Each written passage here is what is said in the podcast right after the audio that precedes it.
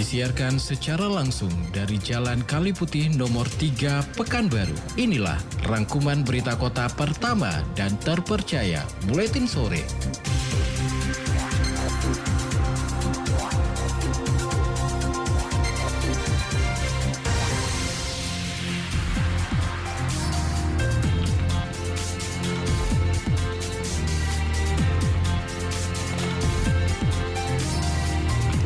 Mitra Kota inilah berita utama untuk hari ini.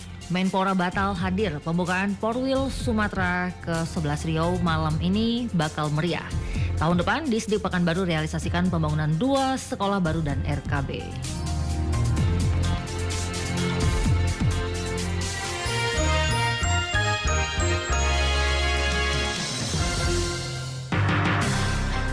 Berbagai peristiwa terjadi setiap menitnya. Dari segala sudut pandang yang berbeda, Namun kita berturut-turut Kota Pekanbaru menjadi tidak ada yang luput dari perhatian kami. Baru akhirnya menemukan kasus tidak samanya jumlah pajak yang disetorkan oleh wajib pajak. Semuanya kami rangkum untuk Anda tanpa basa-basi.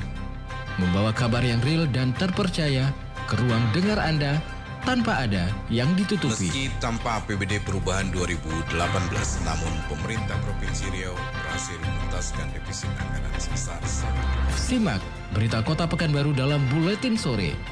Setiap Senin sampai Sabtu pukul 16.30 hanya di 975 Barabas FM.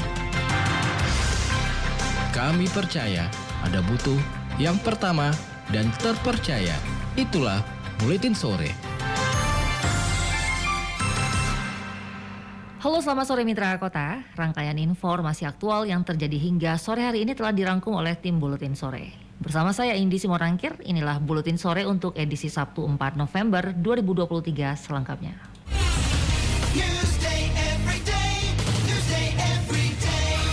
97.5. Menteri Pemuda dan Olahraga RI Dito Aryo Tejo batal hadir uh, pada acara pembukaan Pekan Olahraga Wilayah atau Porwil Sumatera ke-11 yang akan dibuka Sabtu malam ini pukul 19.30 WIB di halaman kantor Gubernur Riau. Menteri Pemuda dan Olahraga Dito Aritejo batal hadir pada acara pembukaan Pekan Olahraga Wilayah Sumatera 11 yang akan dibuka Sabtu malam ini pukul 19.30 di halaman kantor Gubernur Riau. Sebagai gantinya, Mempora mengirimkan staf ahli Kemenpora bidang hubungan pusat dan daerah Dwi Jayanto Sarosa Putra. Ketidakhadiran Mempora ini menurut Ketua PB Porwil Sumatera 11 Joni Irwan tidak akan mengurangi semaraknya pembukaan acara ini. Hal itu disampaikan Joni Irwan Ketua PB Porwil Riau kepada wartawan di Pekanbaru. Turut hadir juga pada acara pembukaan Ketua KONI Pusat Marsiano Nurman dan Wakil Ketua 1 KONI Pusat Suwarno, PLT Gubernur Riau Edi Natar Nasution, Ketua Umum KONI Riau Iskandar Husin, Ketua KONI se-Sumatera, serta seluruh gubernur se-Sumatera, termasuk Gubernur Aceh dan Sumatera Utara. Lebih lanjut dijelaskan Joni, untuk acara pembukaan malam ini sudah masuk dalam tahap finishing, gladi bersih juga sudah dilaksanakan, berbagai macam acara akan digelar pada acara puncak pembukaan Porwil Sumatera 11 dengan tagline Berani Juara.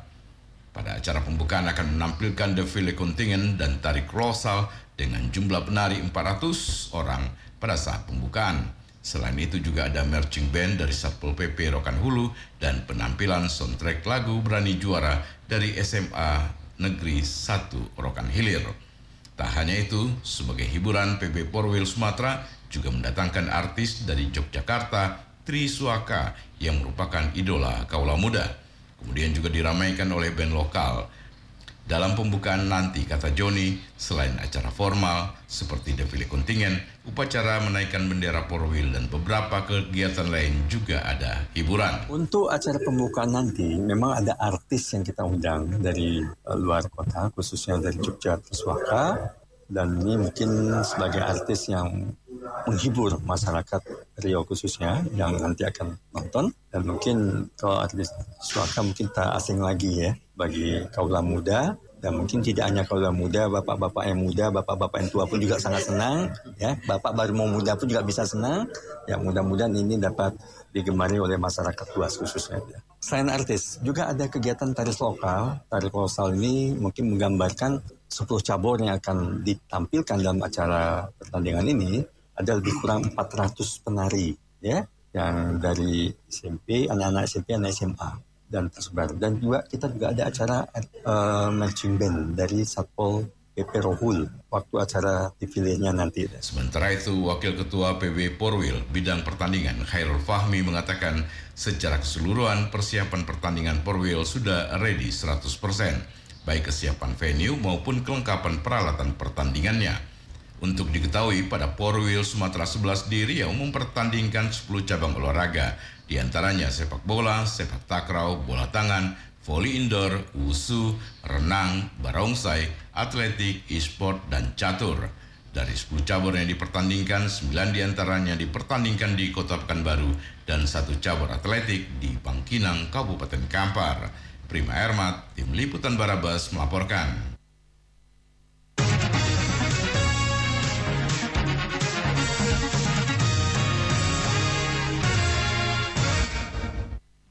Pekan Olahraga Wilayah atau Porwil Sumatera ke-11 akan diamankan 800 personel gabungan. Seluruh personel tersebut nantinya akan ditempatkan di venue tempat bertanding dan di penginapan para atlet. Pekan Olahraga Wilayah Sumatera 11 akan diamankan oleh 800 personil gabungan. Seluruh personil tersebut nantinya akan ditempatkan di venue tempat pertandingan dan penginapan para atlet.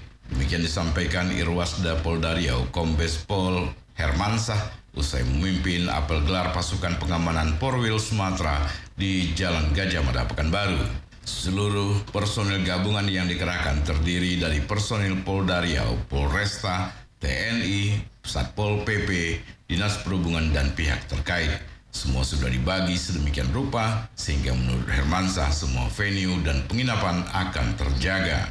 Di sisi lain, Ketua PB Porwil Sumatera 11 Joni Irwan mengatakan semua persiapan sudah dilakukan dan Porwil ini akan diikuti oleh delapan kontingen. Alhamdulillah untuk kondisi saat ini kita panitia khususnya telah mengecek semua persiapan di venue-venue yang bisa dikatakan sudah 100% dan kita berharap juga untuk acara pembukaan nanti yang berlangsung pada hari Sabtu tanggal 4 November 2023 pukul 19 WIB dan bertempat di halaman kantor gubernur. Kegiatan ini memang kita uh, akan sudah dihadiri seluruh kontingen, 8 kontingen yang hadir, kecuali mungkin Sumut sama uh, Provinsi Aceh. Dan kegiatan pelaksana malamnya memang sudah diatur oleh IO yang mengatur semua kondisi acara dengan baik. Dan memang terakhir ada acara kegiatan uh, kembang api yang mungkin mungkin ini akan menjadi minat untuk masyarakat untuk melihat pesta kembang api nantinya di akhir acara pembukaan. Pada kesempatan itu, Joni juga mengajak seluruh masyarakat Riau, Pekanbaru, dan Kampar khususnya untuk meramaikan pertandingan-pertandingan dalam Porwil ini. Apalagi seluruh kegiatan Porwil ini tidak dipungut biaya untuk menonton. Prima Ermat, Tim Liputan Barabas melaporkan.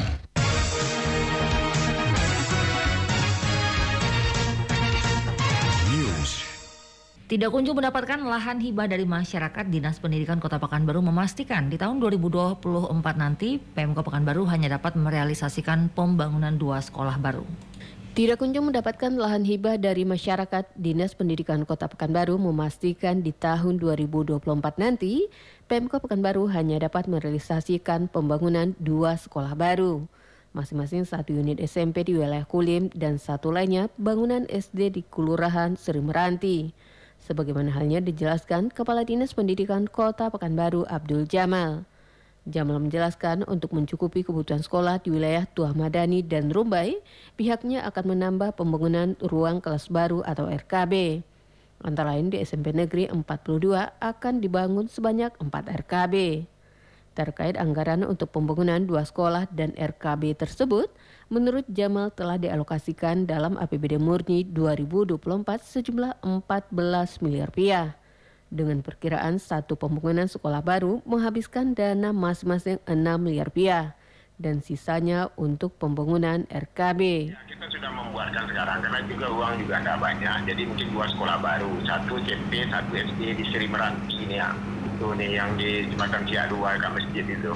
Ah, ada yang di apa di kayu kemarin, ah, ada situ lah. Banyak di kontrak situ lah. Dan ada namanya Sri Meranti yang saya tahu. Jadi mungkin tahun ini tetap dua kita bangun. Kemudian untuk kekurangannya, kan kita sudah sampaikan. Kalau yang ini kita membangun empat lokal di 42, kalau yang di Tua Madani. Ah, untuk yang di Rumbai, SMP 24, ah, itu kan nanti untuk menampung, kan SMP 24 itu kan masuk ke Jepang Bingung dan agak kantor camat. Kemarin kita kan mau bangun di daerah COVID itu, kuburan COVID. Ah, tapi itu sementara kita buat tempat RKB aja, kita pecah aja. Di Sementara ini lanjut Jamal, kebijakan tersebut dinilai paling efektif untuk mengakomodir keluhan masyarakat di bidang pendidikan menjelang adanya tambahan lahan hibah dari masyarakat. Karena ini juga termasuk dalam program prioritas PJ Wali Kota dalam menghadapi PPDB dengan sistem zonasi. Desi Suryani itu meliputan Barabas melaporkan.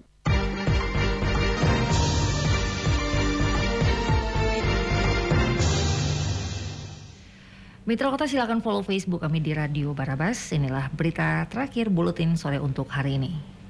Mitra Kota semua kita tentu mengetahui bahwa keberadaan minyak jelantah atau minyak bekas penggorengan dapat merusak kesehatan bila dikonsumsi dalam waktu yang lama. Selain itu minyak jelantah ini juga dapat merusak lingkungan bila kita membuangnya ke tanah atau selokan. Tapi di tangan anak muda kreatif, minyak jelantah ini dapat menjadi ladang penghasilan. Seperti apa langkahnya? Maksud kami seperti apa lengkapnya untuk Anda, kami hadirkan sebuah features yang berjudul Bank Jatah Dukungan PHR untuk Pemberdayaan, Jaga Lingkungan, dan Lindungi Kesehatan Masyarakat. Untuk diketahui, features ini ber- berhasil memenangkan Pertamina Hulu Rokan News Award atau PENA beberapa waktu lalu.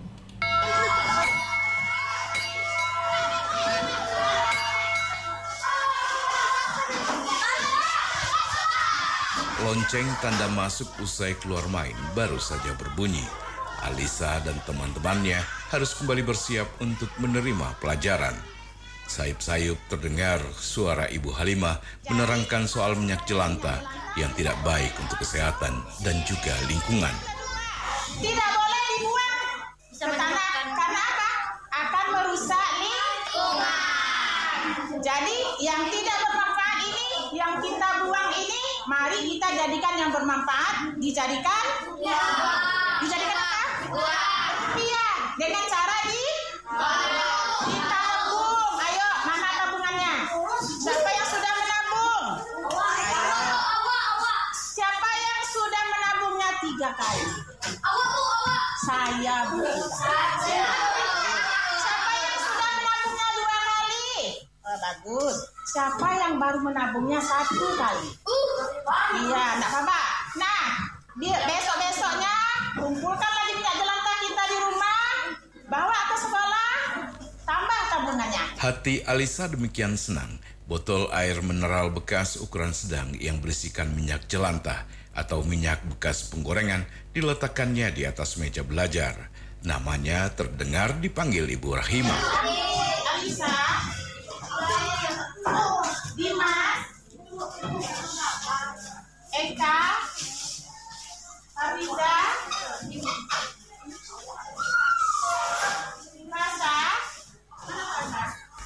Bagaimana tidak senang, hari ini Alisa dan teman-temannya mendapatkan buku tabungan minyak jelantah dari Bank Jatah, di mana di sana tercatat berapa banyak mereka telah menyetor minyak jelantah dan jumlah nominalnya. Kenalkan nama saya Alisa Zahra Nafisa, kelas 6A. Sudah berapa banyak? Eh, dua kali, eh, dua, dua kali. Dua kali itu berapa?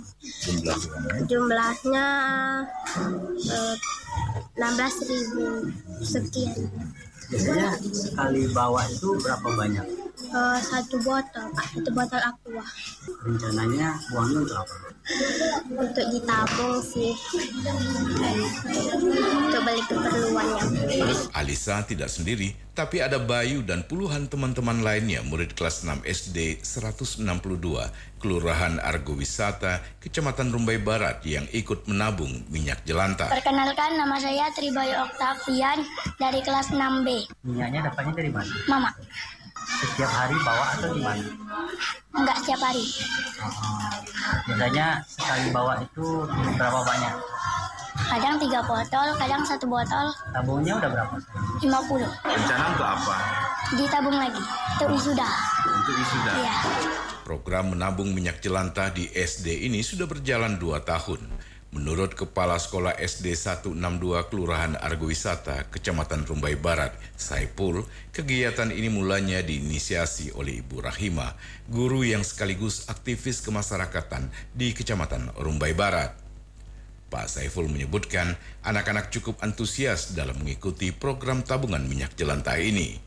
Bagaimana tidak, di akhir tahun ajaran, Alisa dan kawan-kawan bisa mendapatkan dana tabungan hingga 1 juta rupiah bila bisa menabung secara rutin. uh, Bu Rahimani sosialisasikan uh, apa-apa yang dia dapat itu di sekolah ini untuk kemajuan sekolah ini uh, sehingga anak-anak ini ternyata sangat antusias karena di rumahnya itu banyak minyak jelantah karena mengetahui daripada hal ihwal uh, efek dari jelantah ini kalau dibuang ke tanah dia akan mengendap nanti dia menghambat uh, resapan air. Kemudian nanti dalam jangka panjang ini juga berbahaya. Kalau dimakan juga uh, akan berbahaya maka dibuang salah dimakan juga salah. Maka ya anak-anak ini ya namanya dalam perkembangan masa pertumbuhan dia takut. Maka uh, ada minyak jelantah di rumah lalu disampaikan kepada orang tua. Orang tua ini masing-masing ya membekali anak dengan minyak jelantah dikirim. Dan ini jadi satu tabungan. Ternyata setelah setahun ya. Mereka ya hampir dikatakan satu bulan itu dapat 300 mengumpulkan daripada minyak jelantah ini. Dihitung setahun ya hampir sejutaan juga. Mereka mereka eh, setiap akhir semester mereka memiliki tabungan dari minyak jelantah itu. Nah, ini yang membuat eh, anak-anak itu antusias untuk menabung dengan cara mengumpulkan minyak jelantah. Apa yang dihasilkan hari ini menurut Ibu Rahima tidak akan terjadi begitu saja. Ia masih ingat akan awal mulanya program ini disosialisasikan. Sosialisasi ini tidak hanya dilakukan di sekolah, namun juga kepada rumah tangga. Hampir setiap hari Ibu Rahima bertemu dengan ibu-ibu wirid di musola, bercerita tentang minyak jelantah yang dimakan dapat merusak kesehatan dalam masa yang panjang, sedangkan jika dibuang akan dapat merusak lingkungan.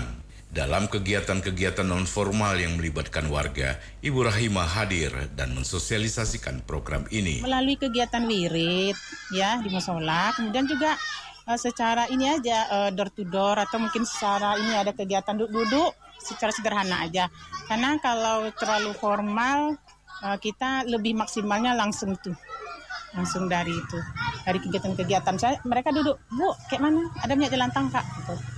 Oh iya, saya ada sedikit. Biasanya kalau udah goreng ikan asin saya buang. Nah sekarang jangan dibuang bu, kumpulkan, kumpulkan, kumpul- kumpulkan. Nanti akan kita jadikan tabungan biar bisa bermanfaat. gitu. Kalau ibu buang kan nanti itu merusak lingkungan. Nah, jadi yuk kita jadikan yang tidak bermanfaat itu jadi bermanfaat. gitu. Kesulitannya mereka tuh kadang lupa bu. Kadang karena mereka sudah biasa, terbiasa untuk membuang, tuh mereka otomatis gitu. Tapi dengan kita ingatkan terus, "Ih, jangan dibuang, letakkan situ wadahnya, walaupun dikit masukkan masukkan gitu. Dan akhirnya sekarang udah mulai terbiasa, kebiasaan-kebiasaan itu udah mulai ah ya seperti itu. Upaya yang dilakukan Ibu Rahima ini tidak terlepas dari jabatannya sebagai Ketua Unit Bisnis Bank Jatah Kelurahan Argowisata Kecamatan Rumbai Barat, di samping sebagai guru kelas 6 di SD 162. Pertemuan Ibu Halimah dengan Bank Jatah sebenarnya tanpa sengaja. Sebagai kadar penggerak ketahanan pangan, ia mendapatkan brosur Bank Jatah dalam sebuah bazar acara 17-an di kelurahannya. Ketertarikannya pada program ini membuat Ibu Rahima berjumpa dengan pengelola dan terjadilah interaksi yang berujung menjadi kerjasama seperti yang diceritakan Suki Suwanto, Direktur Operasional Kelompok Kerja Bersama Bank Jatah. Itu ada acara eh, 17-an nggak salah dulu ya? 17-an PHR itu membuat eh, bazar. Kita ada stand situ, kemudian ada beberapa UMKM yang hadir, kita kasih brosur. Nah brosur dibawa pulang oleh salah satu UMKM, Bu Rahima mendapat brosur itu gitu kan, dari brosur kita. Lalu dikontak kita, lantas kita ketemu, kita berikan eh, penjelasan, dan beliau dasarnya memang orang penggerak gitu kan di lokasi, di lapangan. Akan langsung nyantol dan mereka bilang langsung melakukan sosialisasi. Kita diundang waktu itu pertama di Musola di KSD tadi, sosialisasi kepada masyarakat Ibu Majelis Taklim. Nah, setelah itu ke SD, kemudian beliau bergerilya door to door, tiap jumpa orang disampaikan. Nah, begitu Bu Rahima itu ceritanya. Ternyata beliau juga orang aktif kader eh, ketahanan pangan ya, Pol- Balai POM.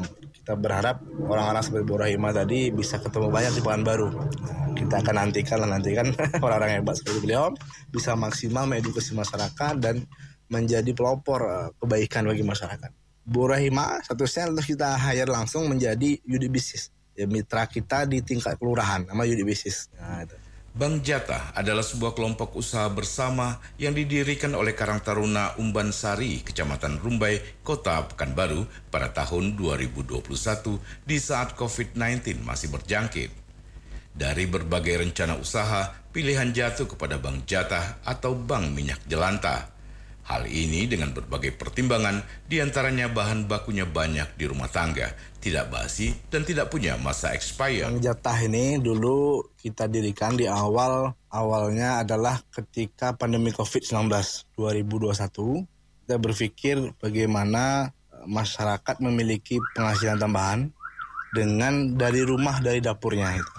Awalnya kita coba beberapa usaha dari di apa ya? Di Pemuda Karang Taruna dulu kita kan. Karang Taruna, Kelurahan Umbansari kita coba mencari beberapa usaha alternatif. Nah, jatuhlah pilihan ke Bank ke Jelantah di mana mau di Jelantah ini pertama tidak tidak basi, tidak ada masa expired dan justru sumbernya banyak dari masyarakat bahkan dari dapur-dapur rumah-rumah. Nah, saat 2021 bulan Agustus tanggal 28 kita launching program Bank Jatah ini yaitu program pemberdayaan dan pada akhir tahun 2021 tersebut kita dapat support ya dari pertama PHR Pertamina Hulu Rokan dari Kementerian Sosial waktu itu juga pas datang Bu Menteri kita ada support beberapa perlengkapan sehingga kita langsung laksanakan program pemberdayaan. Nah, di antara program yang kita lakukan adalah sosialisasi ke masyarakat tentang bahaya penggunaan jelantah jika dikonsumsi jarang menjangka waktu panjang. Pertama dia merugikan kesehatan, kedua kalau dibuang sembarangan dia merusak lingkungan. Nah, maka solusinya ditabung melalui bank jatah atau bank minyak jelantah. Suki Suwanto, Direktur Operasional Bank Jatah. Pola pemberdayaan memang menjadi pilihan bagi Bank Jatah. Selain karena ini kelompok usaha bersama, mereka juga berniat untuk membantu masyarakat menambah penghasilannya. Selain itu, dengan upaya pemberdayaan ini, mereka juga ingin menyelamatkan kesehatan masyarakat dan menjaga lingkungan. Seperti yang disampaikan Muhammad Adrio Habibi, Direktur Utama Bank Jatah. Karena dengan mau tabungan jelantah, situ yang bisa memberdayakan masyarakat. Nah, kalau kita kan pingin di awal tuh konsepnya bagaimana kita punya usaha bisa orang lain menikmati, bisa bermanfaat bagi orang banyak, bang. Karena sebaik-baik manusia kan mereka bermanfaat bagi orang banyak. Kalau dengan jual beli ya mungkin segelintir kami saja yang yang bisa menikmati atau yang mereka yang punya minyak, tak sampai ke rumah tangga, tak bisa sampai langsung ke masyarakat gitu.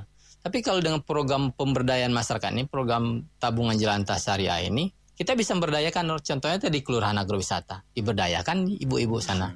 Karena untuk mencapai minyak yang rumah tangga tadi, cuma dengan program pemberdayaan masyarakat, bang. Contohnya misalnya di Panam ada satu kilo, tidak mungkin kami dari sini ngambil sekilo sana. Tentu kita harus berdayakan orang di sana untuk membantu mengepul. Nah, karena ini programnya pemberdayaan masyarakat, nah kita berdayakan masyarakat sekitar. Nah, gitu loh. Nah, mereka dapat bagi hasil dari kita karena sudah membantu merekap dan mengumpulkan. Kita beri bagi hasil kepada masyarakat eh ke unit bisnis tinggi, Bang. 70% untuk mereka dari selisih jual. Usaha yang dilakukan Bank Jatah dilirik oleh Universitas Lancang Kuning. Melalui Lembaga Penelitian dan Pengabdian Masyarakat atau LPPM, terciptalah kerjasama antar lembaga ini. Ketua LPPM Unilak, David Setiawan mengatakan pihaknya mendampingi Bank Jatah dengan memberikan beberapa pelatihan untuk meningkatkan capacity building. Ada beberapa yang sudah kita berikan eh, apa namanya capacity building atau eh, peningkatan kapasitas mereka dengan pelatihan membuat eh, biodiesel, kemudian eh, juga ada beberapa beberapa pelatihan lain. Dan rencananya tahun ini memang kita eh, memberikan eh, pelatihan lagi produk turunan dari eh, minyak jelantah tadi. Kalau seandainya eh, sebagai pengepul dijual, mungkin nilainya tidak terlalu tinggi, tetapi kalau diolah sendiri atau bahkan bisa memproduksi uh, biodiesel sendiri tentu uh, harga uh, nasabah yang eh, apa harga minyak jelantah yang diterima dari tentu lebih tinggi dan antusias uh, warga untuk menabung juga tinggi sehingga tentu uh, penggunaan minyak jelantah yang berulang-ulang uh, tidak dilakukan lagi karena nilai ekonominya masih tinggi ketika dijual lagi ke eh, bank bank, bank jatah. Dukungan juga datang dari PT Pertamina Hulu Rokan. Melalui kerjasama yang telah ada dengan Universitas Lancang Kuning, mereka juga memberikan pendampingan. Program ini menurut manajer Corporate Social Responsibility PT Pertamina Hulu Rokan, Pinto Budi Bowo Laksono, sesuai dengan komitmen melestarikan lingkungan dan menjaga keanekaragaman hayati, yang merupakan salah satu fokus utama program tanggung jawab sosial dan lingkungan atau TJSL PT PHR. kan program-program CSR kita itu banyak sebenarnya. Jadi yang konservasi gajah, terus ada kalau untuk yang uh, lingkungan juga ada bank sampah, dan ada juga konservasi mangrove dan lain-lain. Uh, nah ini salah satunya gitu yang kaitannya dengan uh, menunjukkan bagaimana komitmen uh, PHR kan ya untuk perlindungan lingkungan, konservasi keanekaragaman hayati. Tanpa terasa, Bank Jata ini sudah akan berusia tiga tahun. Meski saat ini mereka masih bersifat pengumpul, namun bila melihat potensi jumlah nasabah dan kuantitas minyak jelantah yang mereka kumpulkan mencapai 5-8 ton per bulan, potensi ini cukup besar. Sehingga berbagai rencana masa depan untuk perbaikan juga akan segera mereka lakukan. Manajemen Bank Jatah menurut Habibi berencana ke depan agar usaha mereka ini bisa berbasis digital sehingga lebih transparan kepada para nasabah. Nasabah juga bisa memanfaatkan sendiri hasil tabungan mereka. Sementara untuk pemberdayaan mereka berharap dukungan dari semua pihak untuk mengolah hilirisasi. Ke depannya uh, kita ingin Bank Jatah ini lebih berbasis teknologi Pak. Jadi berbasis aplikasi. Jadi kita lebih uh, transparan kepada masyarakat dengan aplikasi. Jadi nanti masyarakatnya itu bisa mengecek tabungannya melalui website. Nah, jadi di websitenya itu mereka punya akun sendiri yang mereka bisa kontrol, mereka bisa cairkan langsung ke rekening mereka, mereka bisa gunakan untuk berbelanja online, pembayaran, oh seperti pulsa, listrik segala macam. Nah, kita ke depannya seperti itu. Dan untuk pemberdayaannya nanti untuk produk hilir, kami punya cita-cita oh, bisa memproduksi biodiesel sendiri. Nah, kita ingin punya pabrik biodiesel berbasis lingkungan yang mungkin ada setiap kecamatan yang skala-skala kecil kemarin kami sudah uh, komunikasi dengan pihak Politeknik. Mereka ya Politeknik Kaltek Riau mereka sudah berhasil membuat sebuah mesin yang berkapasitas uh, 50 kilo 50 liter sekali produksi. Nah artinya kami lihat ini bagus. Dia udah uji coba udah berhasil buat biodiesel. Nah kami ke depannya nanti ini ada mungkin di setiap kecamatan yang bisa mengelola minyak jelantah yang ada di kecamatan tersebut kami sangat berharap sekali uh, dengan PHR ini bisa direalisasikan. Apa? Karena dengannya dibantunya yang item tahun ini, insya Allah masyarakat akan banyak terbantu. Kenapa? Ada program yang luar biasa yang kami uh, cetuskan nantinya, ya akan memberikan uh, efek uh, multiply kepada masyarakat. Nah ini bahkan kita sediakan reward untuk masyarakat dengan program yang berbasis aplikasi itu rumah senilai uh, 350 juta. Nah program yang ini. Nah saya berharap dengan PHR bisa meluluskan ini uh, bisa bermanfaat bagi orang banyak nantinya. Bukan impian yang muluk. Bila kita semua bisa bergandeng tangan mendukung program ini. Alisa, Bayu, atau mungkin Ibu Rahima, serta ratusan atau mungkin ribuan nasabah lainnya berpeluang untuk mendapatkan reward dari Bank Jatah. Berharap Ibu Rahima dan anak-anak SD 162 akan semakin sering membawakan lagu ayah dan ibu yang dipopulerkan kelompok karena mereka.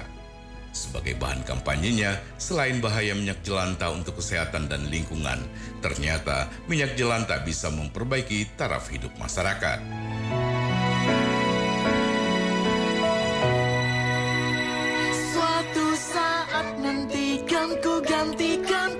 Tugasmu ayah Doakan aku ibu. Restumu sertai langkahku. Ayah dengarkanlah. Bahagia pasti datang. Percayalah. Tim Liputan Barabas melaporkan. Engkau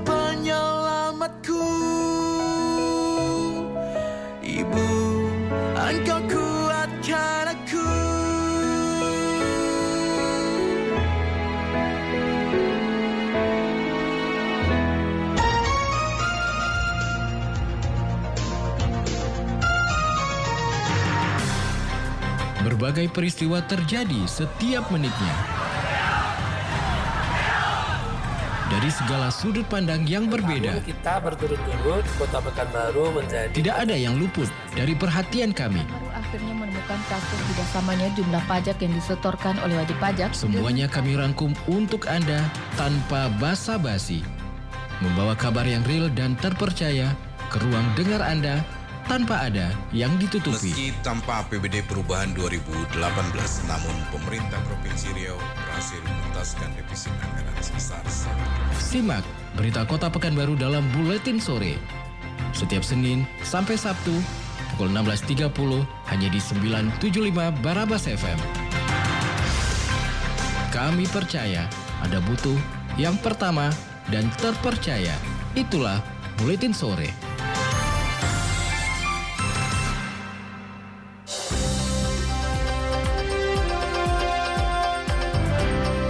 Terima kasih.